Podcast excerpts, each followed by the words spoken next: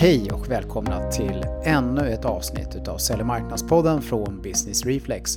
Det här är podcasten för dig som vill ha ny inspiration och kunskap om hur man tar hand om den digitala business-to-business-köparen.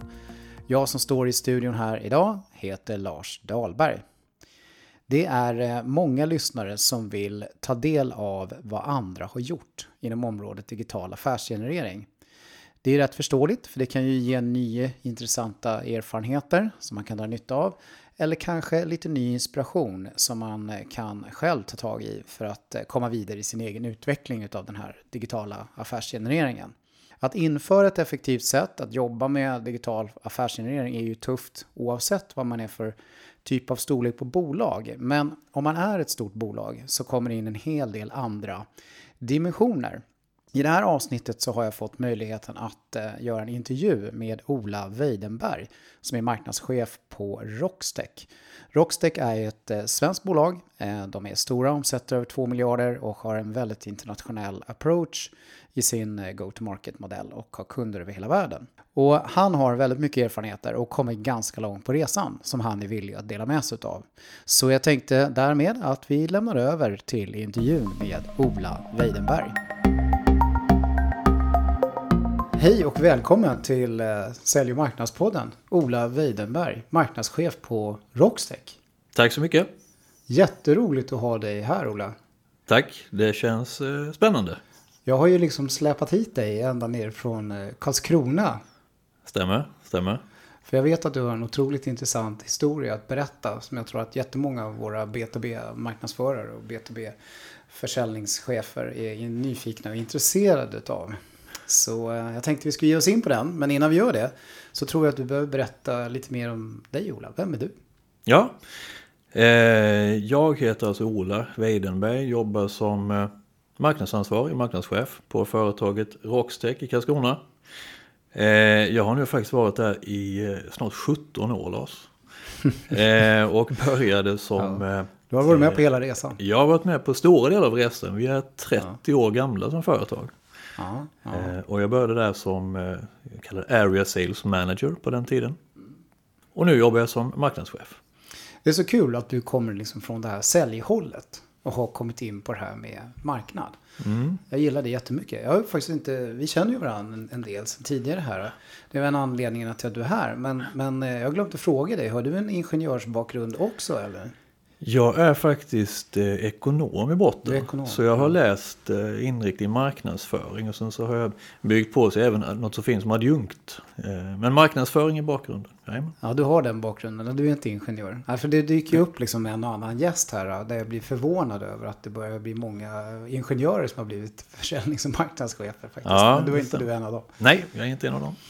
Bra, då tror jag så här att innan vi ger oss in på den resa kring det här med digital affärsgenerering eller digital marknadsföring som du gör med Rockstech så behöver vi sätta det här med Rockstech på kartan en del och eh, det finns en hel del att säga om det som jag tror är viktigt för folk att förstå för att eh, man ska kunna dra intressanta lärdomar av det här. Men jag tänkte vi börjar med det här med den här eh, lösningen som ni gör. Mm.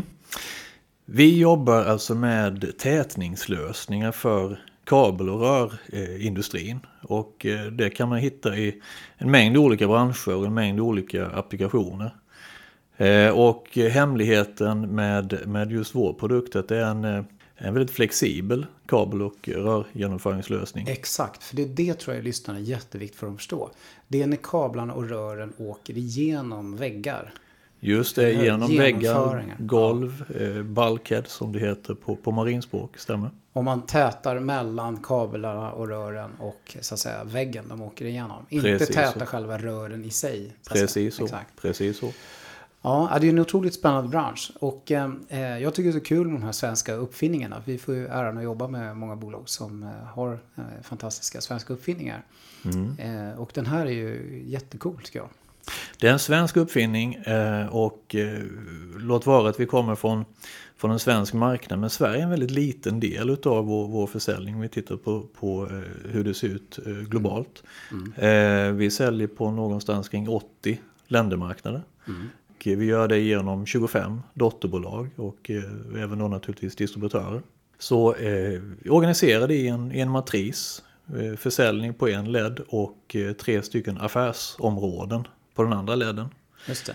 Och de affärsområdena det är Marine and Offshore, det är Power and Process Industries och det är Industry and Infrastructure. Mm. Så där blir matrisorganisationen. Just det. Den här fantastiska uppfinningen då är ju grunden eh, en, en grej som man sen då anpassar för diverse olika typer av applikationer som finns i diverse olika typer av branscher. Precis så. Precis. Och där är ju, ska vi säga, vår specialitet att vi kan skydda för flera olika typer utav, utav påtryck. Det kan vara eh, brand, det kan mm. vara vattentryck, det kan vara elektromagnetisk störning eller det kan vara något så enkelt som, som damm. Mm. Och det beror ju det på i vilken miljö, i vilken applikation som, som produkten är tänkt att sitta i. Så då är det helt enkelt en grundprodukt som vi modifierar för att passa olika ändamål och då gärna det vi kallar multipla krav. Alltså det är bara, inte bara en, eh, ett krav som ställs på produkten tänker, vi ska ju naturligtvis komma in på, på det här med den här marknadsföringsresan. Men, om du kan berätta lite mer, kanske i detalj om hur själva marknadsorganisationen som du är chef över är uppbyggd och kanske mm. lite hur den hänger ihop med, med sälj. Mm. Det tror jag är bra grundförståelse också. Det Just det. Eh, jag tillhör ju företagets ledningsgrupp, rapporterandes då till, till eh, vd. Vi är ungefär 800 anställda i koncernen. Eh, varav 250 i, eh, i Karlskrona i Sverige. Marknadsorganisationen är en funktion utav, utav flera och vi har cirka 15 personer i, i Karlskrona. Eh, och då i den gruppen så finns det en, en inhousebyrå som producerar då marknadsföringsmaterialet. Eh, ute i dotterbolagen då, eh, 25 stycken, så finns det representanter eh, som, som jobbar med oss rapporterandes i respektive organisation. Så ungefär 40 personer jobbar med marknadsföringen för, för Rockstech. Exakt, och du nämnde ju det här med affärsområden. Och där kan jag själv känna då som känner er lite grann att mycket av nyckeln till framgång kring det jag har varit inblandad i har ju att göra med att du har en marknadsansvarig i din organisation för respektive marknadssegment. Det stämmer. Det stämmer.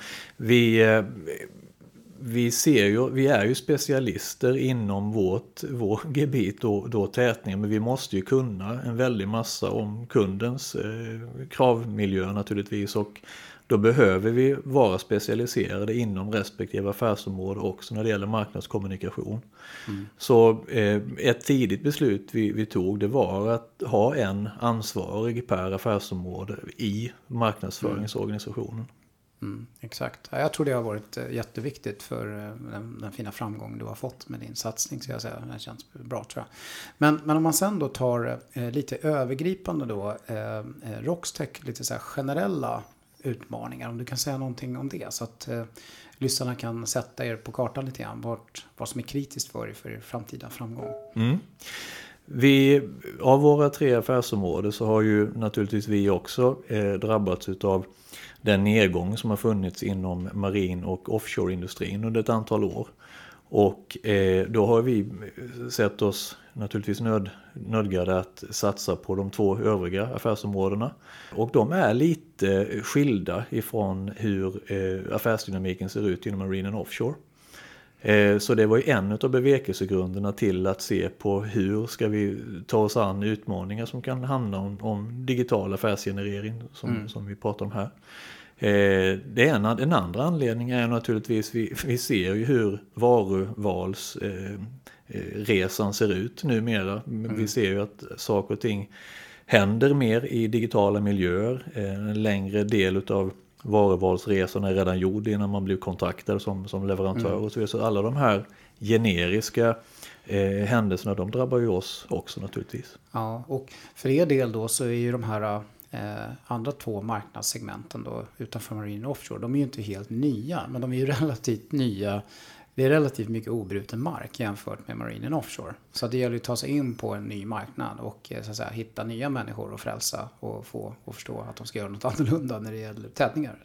Så är det absolut. Vi produkten eller det här eh, ska vi kalla produktområdet modulära tätningssystem det har ju sin, sin eh, hemvist egentligen i marina miljöer. Det är därifrån eh, mm. produkten kommer.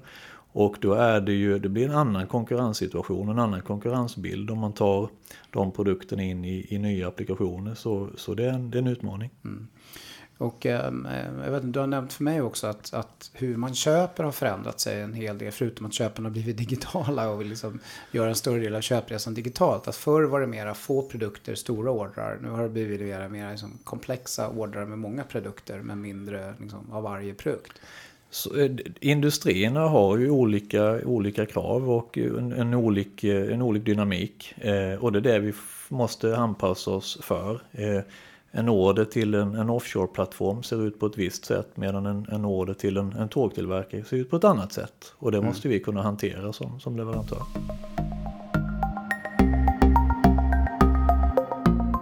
Du, eh, om vi då hoppar in på den här satsningen då kring eh, digital marknadsföring. Den har ju ett, eh, litet internt projektnam hos er. Content Marketing-programmet, är det? Det där är en del utav, utav ja. det vi arbetar med, absolut. Och, men hela ska vi säga, angreppssättet, det, det kallade vi så fiffigt som vår digitala strategi. Vilket kreativt namn. Det är bra. Bra, men du, hur var den här satsningen kom till egentligen och hur var läget när ni drog igång det här? Den digitala strategin. Vi hade helt enkelt att hantera eh, det jag nämnde här tidigare, det vill säga att vi behöver, vi behöver satsa på två stycken affärsområden lite tydligare och vi behöver anpassa, anpassa oss efter ett eh, nytt sätt att välja varor. Mm. Eh, inte mycket mer komplicerat än så. Eh, och då såg vi att det här är någonting som vi, som vi tror på och eh, efter en, en, en, eh, lite diskussioner så, så, tyckte vi att nu sätter vi igång och, och, och arbetar, inte svårare än så. Nej, vad bra. Gå skrida till verket. Skrida till verket. Eh, men, eh, men vad hade ni då, då? Om man tänker sig utifrån ett digitalt marknadsförings eller affärsgöringsperspektiv. Vad var liksom det som fanns? Om man säger så, som ni utgick ifrån? Vi hade som många inom eh, vår typer av industri en, en mm. webbsida. Vi hade eh, väldigt, ska vi säga en stor katalog utav marknadsföringsmaterial som var av tryckt karaktär.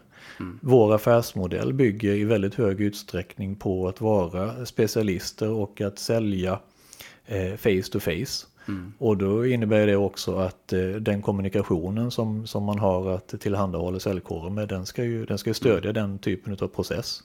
Nu ser vi att vi då såg att vi, vi, behövde förändra oss, vi behövde bli synliga i andra medier och det innebär ju också att då måste ju mm. kommunikationen anpassa sig därefter. Ja. Eh, ja. Men, men eh, vad såg ni för vision då, då, när ni drog igång med det här? Vad var det liksom lite mer så visionärt ni kände att ni ville sträva efter? Rockstick har eh, under alla år haft en väldigt, ett väldigt högt renommé varumärkesmässigt bland våra kunder. Mm. Vi, vi gör regelbundna kundundersökningar och vi får fantastiskt fina resultat.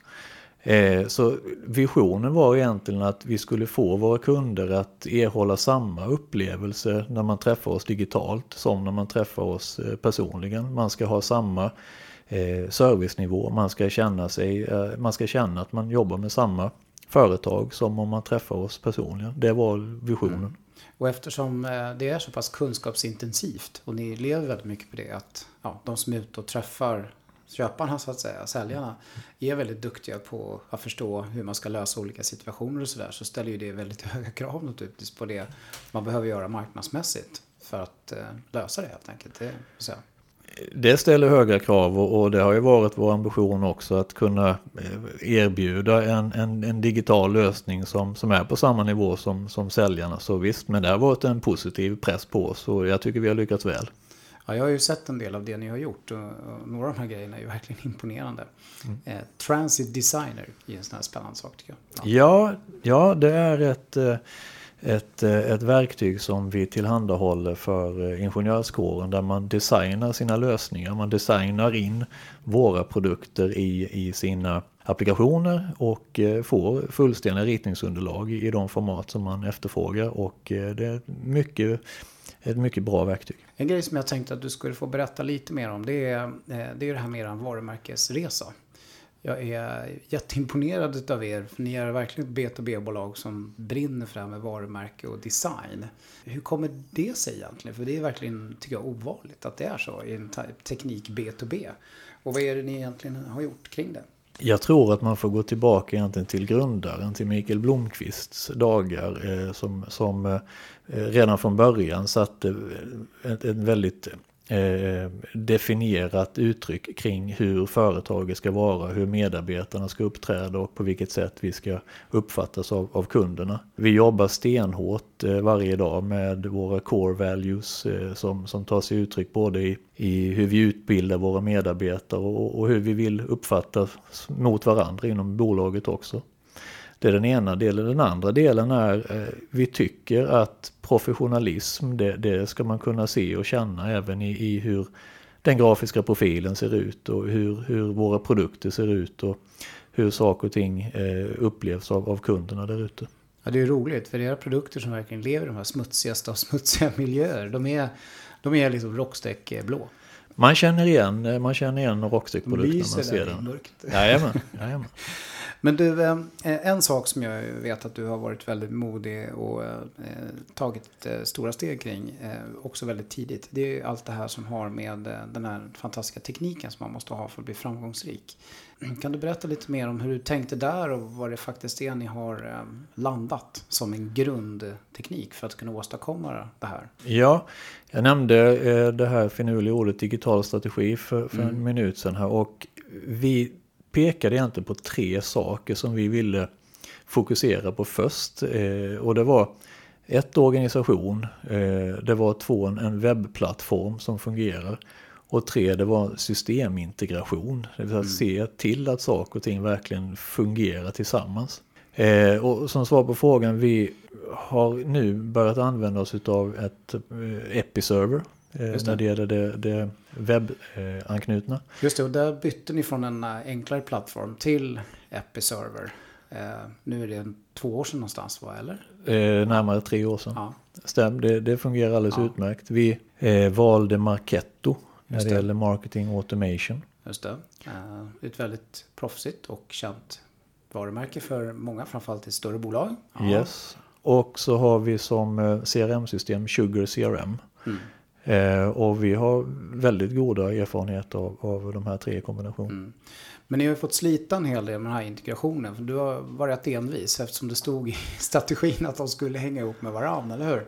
Mm. Marketo med webben förstås. Ja. Eh, och eh, Marketo med eh, Sugar. Stämmer. Och ja, det har inte varit helt, helt lätt. Där finns, där finns utmaningar. tipset man ska skicka med där är väl så här att ha en plan för hur man vill att det ska se ut när man är inom citationstecken framme. Ja. Se till så att man eh, lyssnar på de som verkligen kan och inte tror att man kan allting från dag ett.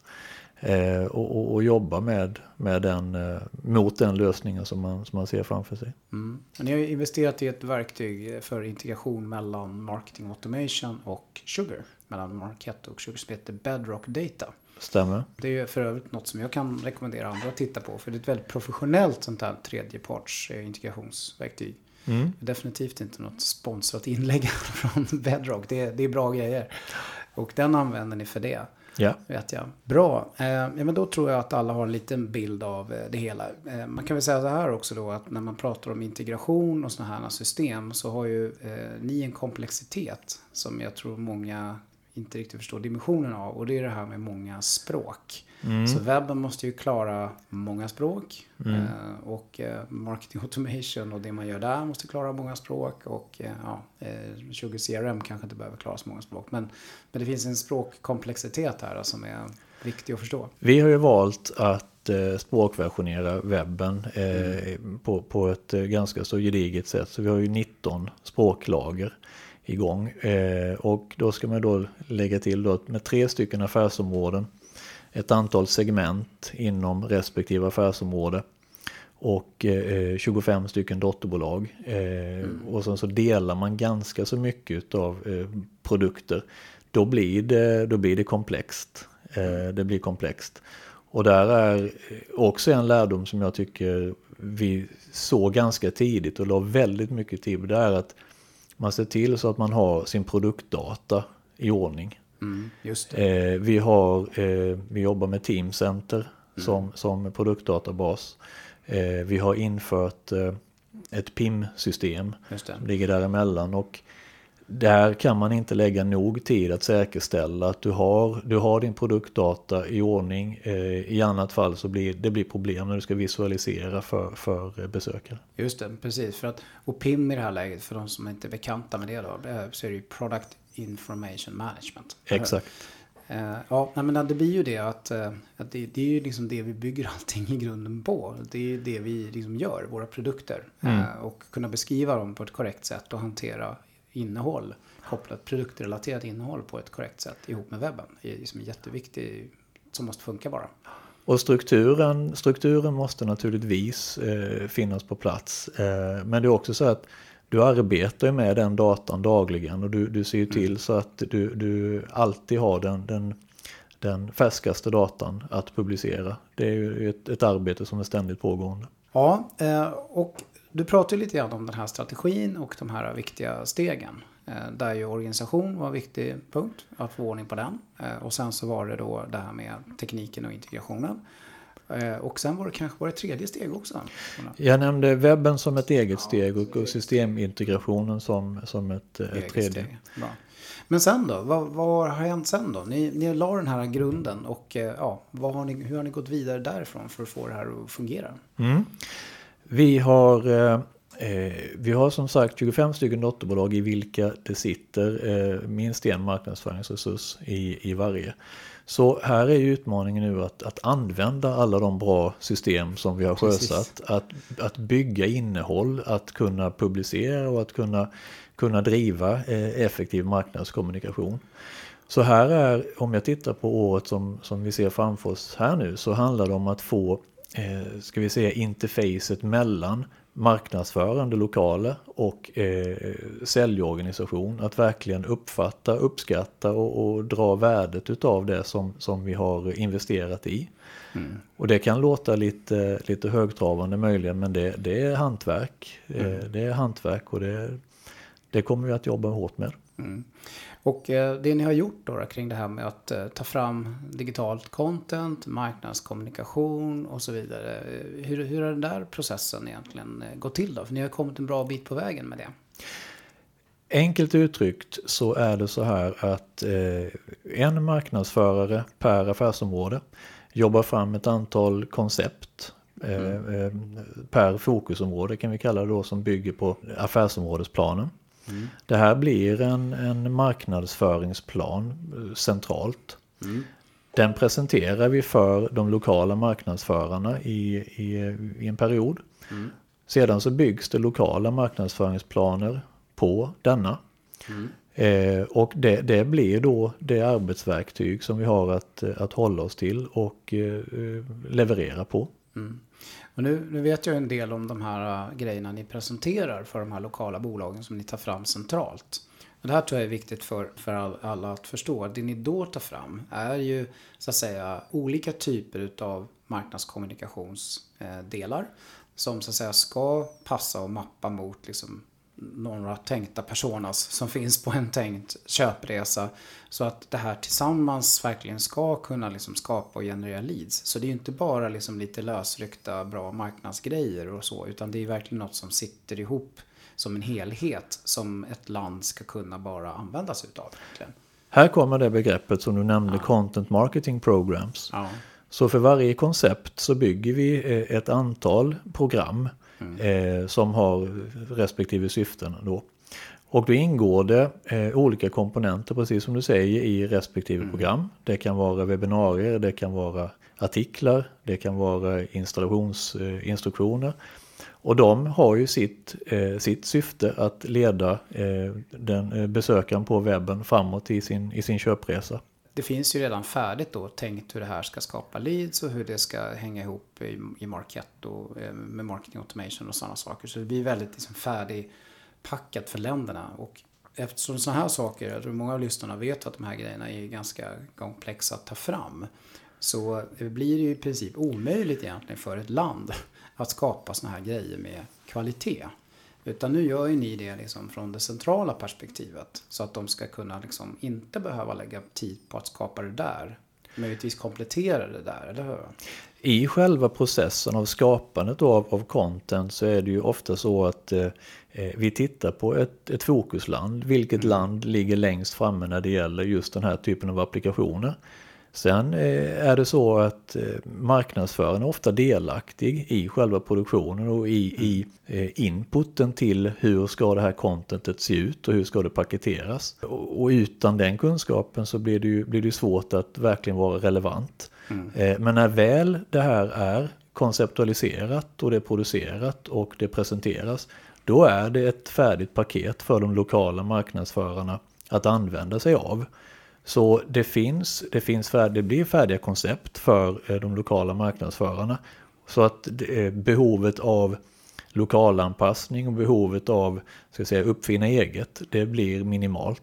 Eh, jag har ju varit med och jobbat med lite grann kring den här resan. Något som jag tyckte var väldigt spännande det är att många tror jag som lyssnar kan tro att det är väldigt stora skillnader mellan olika länder. I er värld pratar vi ju om ingenjörer som är eh, en viktig del av målgruppen. Eh, en av era typ personas. Men, eh, men, men det, det jag tycker visar sig mycket det är att det är större likheter än man kan tro. Faktiskt. Det är klart man behöver lokal anpassning i viss mån och lokalisering kring språk och sådär i viss mån. Men ändå, att det är så pass likartat. Ja, det, är precis, det är precis som du säger. Det, det, det är, och det är en av anledningarna till att vi i högre utsträckning försöker skära vår, vår kommunikation per applikation eller per mm. segment. För vi ser ju just de här likheterna. Eh, sen är det också så att våra produkter de designas in, de, de skrivs in i, mm. i ritningsunderlag och så vidare. Så vi, vi behöver vara på plats så tidigt i processen och det arbetssättet det är ganska lika över världen. Mm. Och även rätt lika oavsett om det är en, en en eh, båt eller om det är en eh, tågstation eller om det är en kraftstation eller om det är så är det liksom den här eh, ingenjören som ska vara med och styra Absolut, absolut så är det. Jag tror, jag tror någonting som har, tror jag är spännande som ni har gjort och som ni har jobbat mycket med. Det är ju det här med, med att få fundera på hur får man så att säga köparen att ställa rätt krav. För er produkt är ju verkligen state of the art. Så ju högre krav de ställer, du pratar om råttor och, och eld och vatten och allt möjligt här va. Mm. Ju högre krav de ställer, desto bättre för världen och desto bättre för Rocksex såklart. Eh, och i vissa av de här marknaderna, där är det ju liksom reglerat lite vilka krav man ska ställa på sådana här produkter som ni säljer. Men i andra marknader är det ju inte det. Eh, men att ni då driver egentligen eh, mycket av marknadsföring kring att se till att de här kraven ställs. Eller att det här ökar. Eh, och det händer ju långt innan man väljer era tätningar. Så att säga. Det är precis så vi, vi jobbar enligt devisen Protecting Life and Assets. Vi, vi försöker verkligen vara eh, state of the art och försöker vara de som, som höjer kravnivåerna. Så är det. Och det är också så att tittar man inom marin eller offshoreindustrin då är det ju mycket som är certifikatsbundet. Eh, mm. Och där finns det ju väldigt eh, rigida regelverk som, som man har att följa.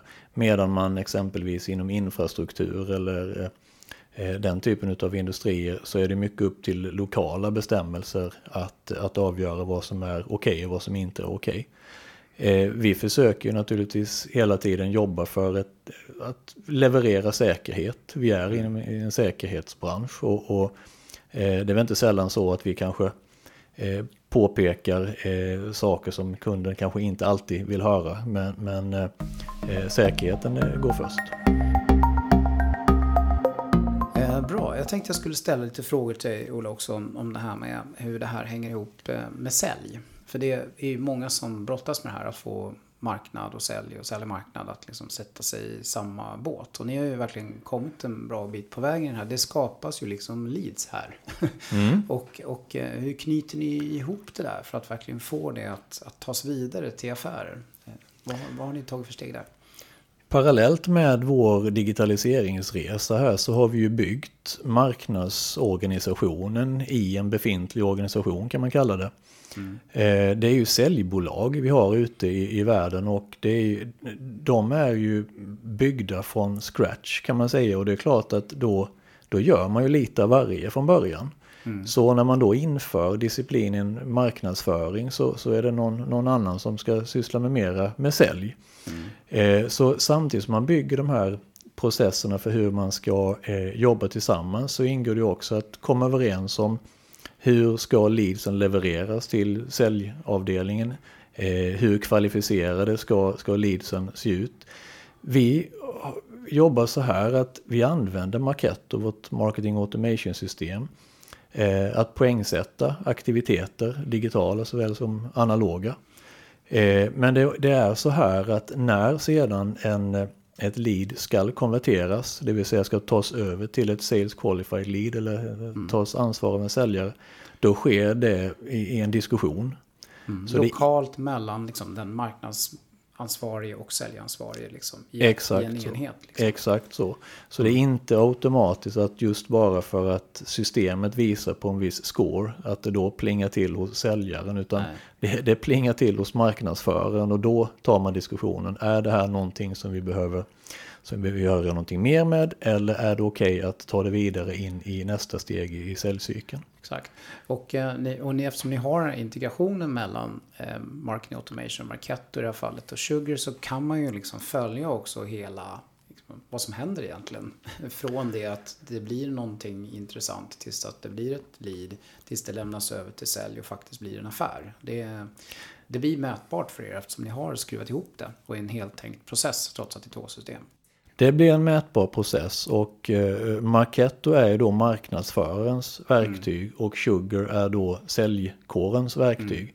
Men när, när leadet går över till eh, säljaren så kan man självfallet följa historiken. På vilket sätt har leadet blivit eh, Eh, hur har vi gött lidet så att säga och vad är det mm. för bakgrund som finns med det som man ska ha med sig framåt. Ja, spännande. Eh, då tänkte jag vilja säga så här egentligen, eh, Ola. Om du ska ge några tips då till de som lyssnar på det här. Jag tror att många som lyssnar kanske sitter i den här situationen att de har höga tillväxtambitioner, de vill bli internationella, eh, men de är inte där än. Vad, vad tycker de ska tänka på lite extra? Du har ju nämnt några små tips här på mm. vägen. Men, men vad, vad, säger vi till dem egentligen? Nu är det ju som jag vi, vi är ett bolag eh, som vi, vi omsätter ungefär 1,8 miljarder. Så det kanske man får tänka på beroende på vilken mm. kontext man ska sätta saker och ting i. Men jag skulle säga så skulle jag göra det här igen? Mm. Ett, planera. Mm. Se till så att man har en plan som sträcker sig över eh, i alla fall tre år så man, man, man känner att man har stadga och man har blicken framåt. Tålamod också antar jag. Tålamod, definitivt. Eh, jag tycker igen, jag nämnde systemintegration. Mm. Eh, tänk redan i förväg på hur man vill att verktygen ska samspela för dig och inte så det blir något eget liv i dem. Det är jätteviktigt kopplat till att igen, produktdata finns i ordning. Mm, det är det, som grundfundament. Det är grundfundament. Tredje, eh, jag hade gjort om det, här på samma sätt när det gäller organisationen. Ja. Det är fantastiskt när man hittar kollegor som passar i funktionerna och man kan jobba tillsammans på det sättet som, som vi har gjort här. Eh, ovärderligt. Nej, och, och jag, jag, jag, tycker också liksom ni har verkligen gjort bra. Nu pratar vi om det här med, med eh, modet att välja teknik här. Och ni har ju gått på en linje där ni verkligen har valt mer, tycker jag då, best of breed. Best of breed webb som klarar väldigt tuffa krav eh, och kan leva länge. Eh, ni har valt ett marketing automation system som verkligen eh, har varit med länge och som, som bevisat sig att klara tuffa krav för relativt stora komplexa organisationer. Ni har ett genuint bra liksom, integrationsverktyg i Bedrock och ni har Sugar CRM som är ett välbeprövat liksom, CRM. Och alla de här är lite så här bäst på det de är bäst på och satsar på att integrera dem. Liksom. Eh, därför det blir ju jobbigt om man blir tvungen att rycka ut det här. Om jag skulle säga så här, sorry Ola, nu snor jag Marketo från dig. Då blir det lite jobbigt, eller hur? Definitivt, och, och, det, det är igen kopplat till vad jag sa tidigare. Att att lyssna på dem som, som har erfarenheten och, och inte mm. tro att man, man kan allting från början. Det finns, eh, det finns hjälp att få men kopplar man det här till, till planen så att man hela tiden ser var är vi om tre år? Vad vill vi kunna prestera om tre år? Och då sätter ju det kravbilden på vilken utrustning du behöver och vilka verktyg du ska välja. Mm. Ja, för det blir ju rätt mycket så här murar från grunden. Vi ser till att ha liksom alla de där grunda, grundfundamenten på plats innan vi liksom gasar på och gör massor med brus i digitala kanaler och får skitfina trafiksiffror. För det har du ju mm. inte fokat på än. Utan mm. det kanske du har framför dig mera, men du har ju fokat mera på liksom att bygga grunden och och bygga bra eh, content som konverterar och skapa leads och processer och verktyg och hela den här saken. Liksom. Eh, därför har man inte gjort det rätt, då blir det ju jobbigt då, om, sen, om man trycker på för tidigt med det. Det blir jobbigt sen, men det, det, är också så här att eh, jag har ju ingenting att skylla på, för nu har jag ju det bästa. Så nu helt plötsligt så ska vi leverera verkligen på, på eh, det som är värdeskapande och det som genererar affärer för bolaget. Och, och det känns ju jättestimulerande mm. naturligtvis. Jag vet ju, många är nyfikna på så här, jaha, har du så konkreta resultat du har uppnått då? Och då tänkte jag ställa så här, jaha, vad är din bästa konverteringsmagnet idag då, Ola? Vad är det för någonting som skapar nya leads i, i den här digitala marknadsföringsvärlden som ni faktiskt har startat i? Oj, det, det är så svårt för att, att eh, men eh, så generiskt som möjligt. Vi har ett webbinarie som, som kommer att gå av stapeln här om, om någon vecka. Ja. Eh, och det har fått 372 stycken eh, eh, besökare eller anmälda redan nu.